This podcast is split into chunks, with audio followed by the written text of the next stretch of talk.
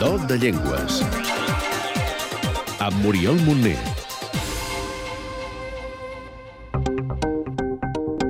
Nom, Maltès, àrea geogràfica, Malta, nombre de parlants, mig milió. situació o estatus legal, Llengua nacional a Malta, oficial a tot l'estat al costat de l'anglès. família o origen, Afroasiàtica, branca, semítica, grup, occidental, sistema d'escriptura, alfabet llatí. Amb els seus 500.000 parlants, el maltès és una de les llengües de la Unió Europea i gaudeix de ple reconeixement a tots els àmbits. És l'única llengua de la família de llengües afroasiàtica que es parla a Europa. Les específiques característiques polítiques de Malta fan que estigui molt influenciada per altres llengües. Oliver Fitzgerald, professor de maltès a la Universitat de Malta.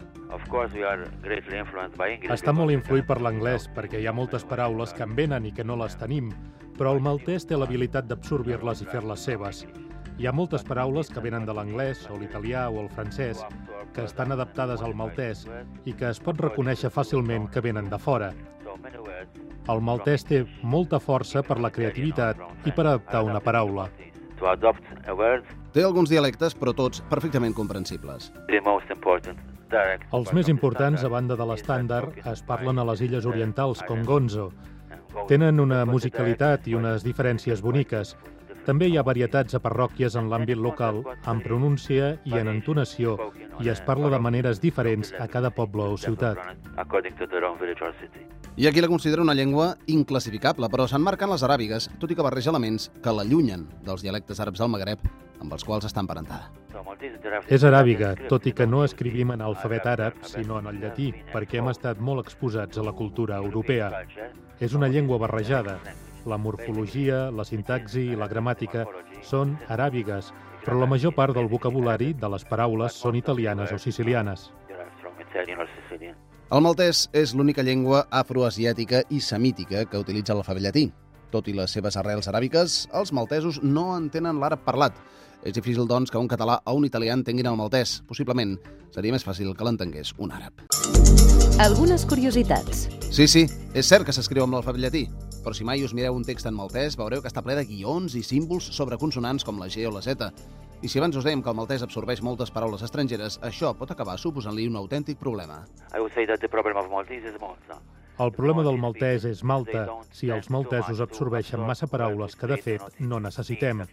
Tot i això, la llengua està florint. La parla més gent que mai. Hi ha més llibres que mai. Però agafa massa coses de l'anglès. El maltès té cinc vocals llargues i curtes i una característica ben curiosa. Té tres nombres, singular, plural i dual. L'explicació és un pèl complexa. I aquí va un so ben típic del maltès que en denota l'origen àrab. I una altra herència de l'àrab, com el portuguès, però per raons ben diferents, els dies de la setmana són numerals, es refereixen a un número i van, evidentment, de l'1 al 7. Tot plegat perquè els maltesos estiguin força orgullosos de la seva llengua. Com en tots els altres països petits, sabem que no es parla en lloc més a banda de Malta, però estan molt orgullosos de parlar-lo.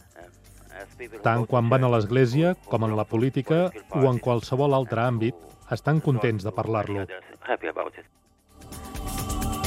Quatre pinzellades de la llengua. Si mai aneu a l'estat europeu més meridional, us saludaran així. Hola. Què fent Bon dia العود والطيب adeu, صحة bona nit.